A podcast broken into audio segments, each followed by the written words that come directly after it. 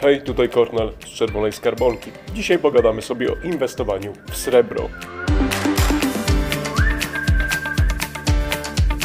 Srebro to młodszy kuzyn złota, ale zwykle nie skupiają się na nim światła fleszy. A szkoda, bo ten metal szlachetny ma swój potencjał inwestycyjny. A dlaczego srebro i złoto osiągnęły swoją pozycję metali szlachetnych? Z tego względu, że są bardzo łatwe w obróbce, a przedmioty wykonane z tych metali szlachetnych są bardzo trwałe. Poza tym zapewniają te metale pewną stabilność, ponieważ jest ograniczona podaż, bo jest ograniczona ilość tych metali szlachetnych na Ziemi, więc nie dojdzie do tego, że nagle magicznie pojawi się więcej srebra czy złota na Ziemi, co by wpłynęło na obniżenie ich Srebra jest jednak dużo więcej niż e, złota i przez wieki było mniej więcej wydobywane 15 razy więcej srebra od złota i miało to wpływ na cenę. Przez e, wiele, wiele dekad srebro było mniej więcej o 15-30 razy tańsze od złota.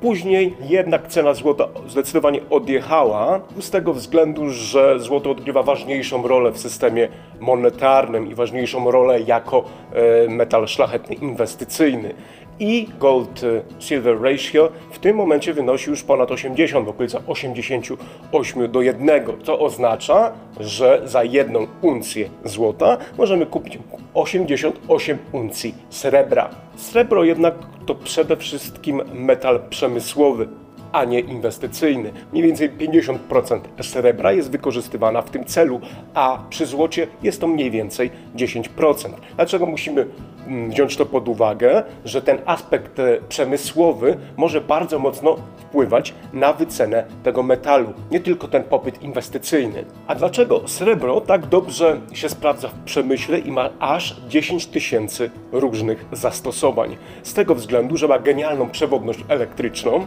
oraz świetnie odbija światło. Dlatego srebro jest wykorzystywane przykład w fotowoltaice czy przy produkcji samochodów elektrycznych. Srebra używa się także przykład przy produkcji ekranów LCD, czy na przykład przy kliszach fotograficznych.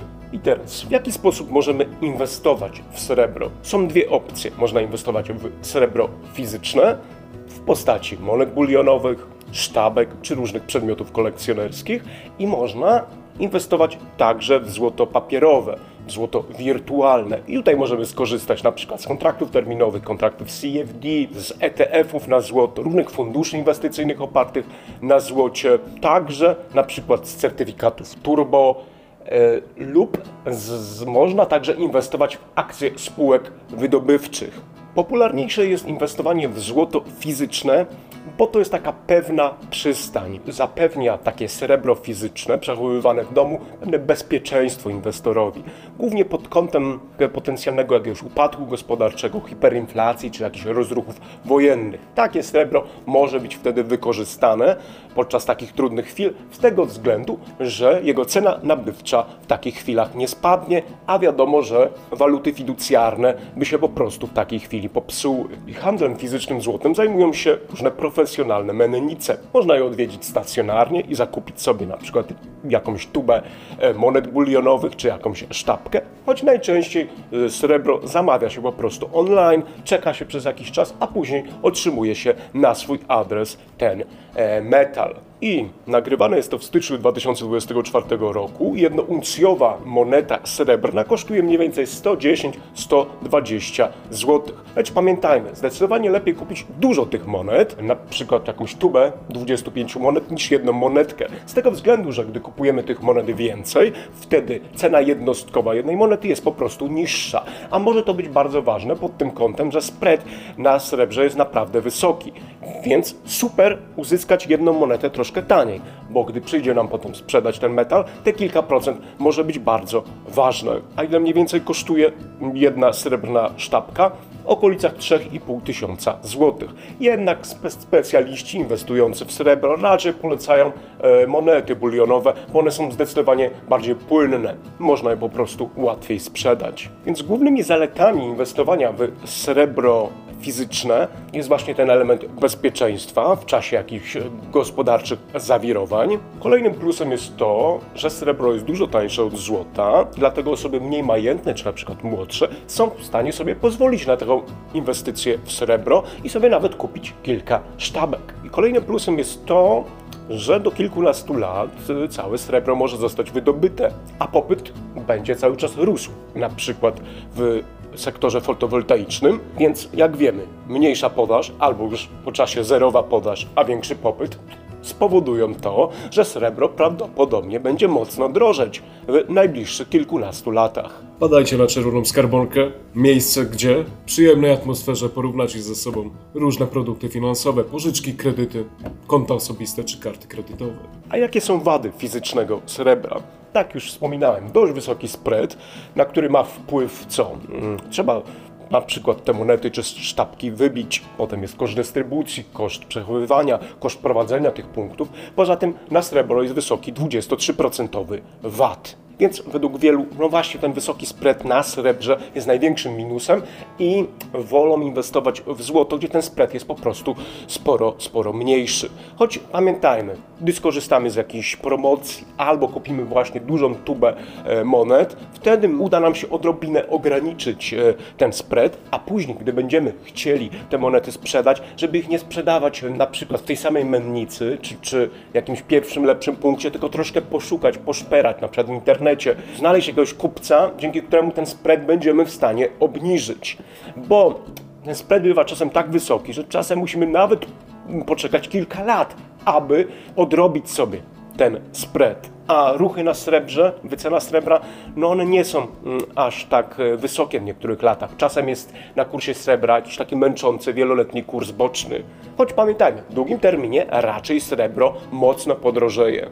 Kolejnym minusem dla niektórych jest potrzeba przechowywania srebra. No bo na przykład za 100 tysięcy złotych kupimy mniej więcej 400 gramów złota i aż 30 kg srebra. Więc jak ktoś będzie chciał dość duże pieniądze wrzucić w srebro po latach, jak to będzie już 200-300 tysięcy w srebrze, no to to będą kilogramowe paki monet, czy ki- kilogramowe paki sztabek. No i gdzie to wszystko schować? No już wtedy w biurku się go się nie uda schować. Będziemy potrzebowali jakiegoś w domu miejsca do przechowywania tego srebra, a jeśli ktoś jeszcze ma taką psychikę, że się jednak stresuje przechowywać aż taką dużą ilość metalu szlachetnego w domu, no może być to po prostu kłopotliwe, więc pamiętajmy, inwestycja w złoto pozwala nam na to, aby objętościowo tego metalu po prostu było mniej. Kolejnym minusem jest to, że srebro to głównie metal przemysłowy, dlatego na przykład może być olbrzymi popyt na srebro inwestycyjne, ale akurat w przemyśle będzie słabiej troszeczkę i srebro nie będzie aż tak potrzebne i może to powodować to, że głównie przemysł będzie wpływał na wycenę srebra,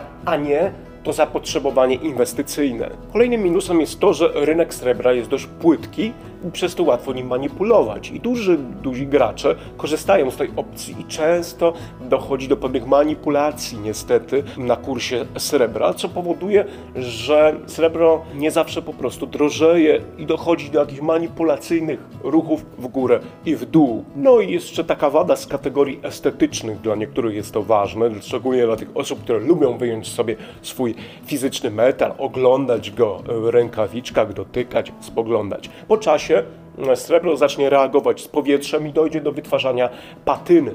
Oczywiście łatwo ją wyczyścić, ale dla niektórych może być to minus że po prostu te monety po czasie będą mniej estetyczne. A jak to jest z tym wirtualnym srebrem? No największym plusem jest tutaj szybka możliwość wejścia i wyjścia w, z inwestycji. I też spread jest bardzo malutki na różnych derywatach e, opartych na kursie srebra. Choć pamiętajmy, to jest tylko i wyłącznie kontrakt, to jest coś wirtualnego, więc inwestując w kontrakty CFD, w ETF-y, czy kupując akcje spółek wydobywczych, no nie mamy, nie posiadamy fizycznie srebra, czyli odpada ten największy plus tego właśnie bezpieczeństwa, który daje metal szlachetny schowany w domu, w sejfie czy w biurku. Plusem też y, tego papierowego srebra jest możliwość skorzystania z dźwigni, choć pamiętajmy, dźwignia działa w dwie strony, więc można mocno polecieć niestety, gdy akurat wybierzemy y, zły kierunek. E, No i plusem może być także gra na spadki, no bo gdy posiadamy srebro fizyczne, no to oczywiście zarabiamy tylko i wyłącznie wtedy, gdy cena tego srebra rośnie. Więc każdy mm, inwestor musi sobie odpowiedzieć, czy po prostu wybiera ten spokój i bezpieczeństwo, mimo tego, że spread jest niezbyt korzystny i czasem latami musi podtrzymać to srebro, żeby zacząć na nim zarabiać, czy interesuje go po prostu szybka spekulacja. Powiedzmy sobie jeszcze co nieco o tej manipulacji na rynku e, srebra. W 2020 roku e, fundusz JP Morgan został ukarany aż miliardem dolarów za manipulacje, których się dopuszczał na tym rynku. I ten fundusz e, korzystał z tak zwanego spoofingu. Można to przetłumaczyć jako robienie w konia innych uczestników rynku.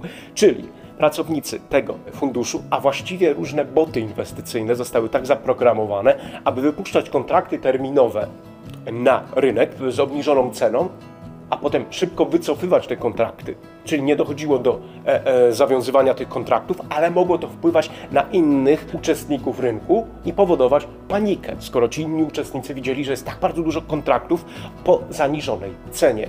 I na tym procederze JP Morgan zarabiał mniej więcej 150 milionów dolarów rocznie i ten proceder trwał aż prawie 10 lat. Pamiętajmy więc, że c- wycena srebra może być manipulowana. No ale ciekawe są perspektywy przed y, rynkiem i wyceną srebra. Właśnie z tego względu, że fotowoltaika będzie się bardzo rozwijać, czy, czy rynek e, aut y, elektrycznych. Z powodu różnych regulacji, przykład Unia Europejska chce wprowadzić, aby na każdym e, większym budynku musiały być panele fotowoltaiczne. No, są też e, te plany kompletnego wycofania aut spalinowych, więc kierunek jest e, taki, że ten popyt na srebro będzie rósł i rósł, choć są pewne niebezpieczeństwa, na przykład są próby wykorzystania miedzi w panelach fotowoltaicznych, co spowodowałoby ograniczenie popytu oczywiście na srebro, choć raczej kierunek jest jednoznaczny, warto inwestować w srebro, bo jego cena zdecydowanie wzrośnie w perspektywie kilkunastoletniej, więc raczej srebro to inwestycja długoterminowa i powinniśmy tak o tym formie inwestycji myśleć. I na koniec mam do Was kilka pytań. Inwestujecie w srebro? Myślicie, że te inwestycje mają potencjał i jaki typ inwestycji Was interesuje? Szybka spekulacja, czy może jednak świetne jest posiadanie tego fizycznego srebra? To dziękuję Wam bardzo. Do zobaczenia w następnym odcinku.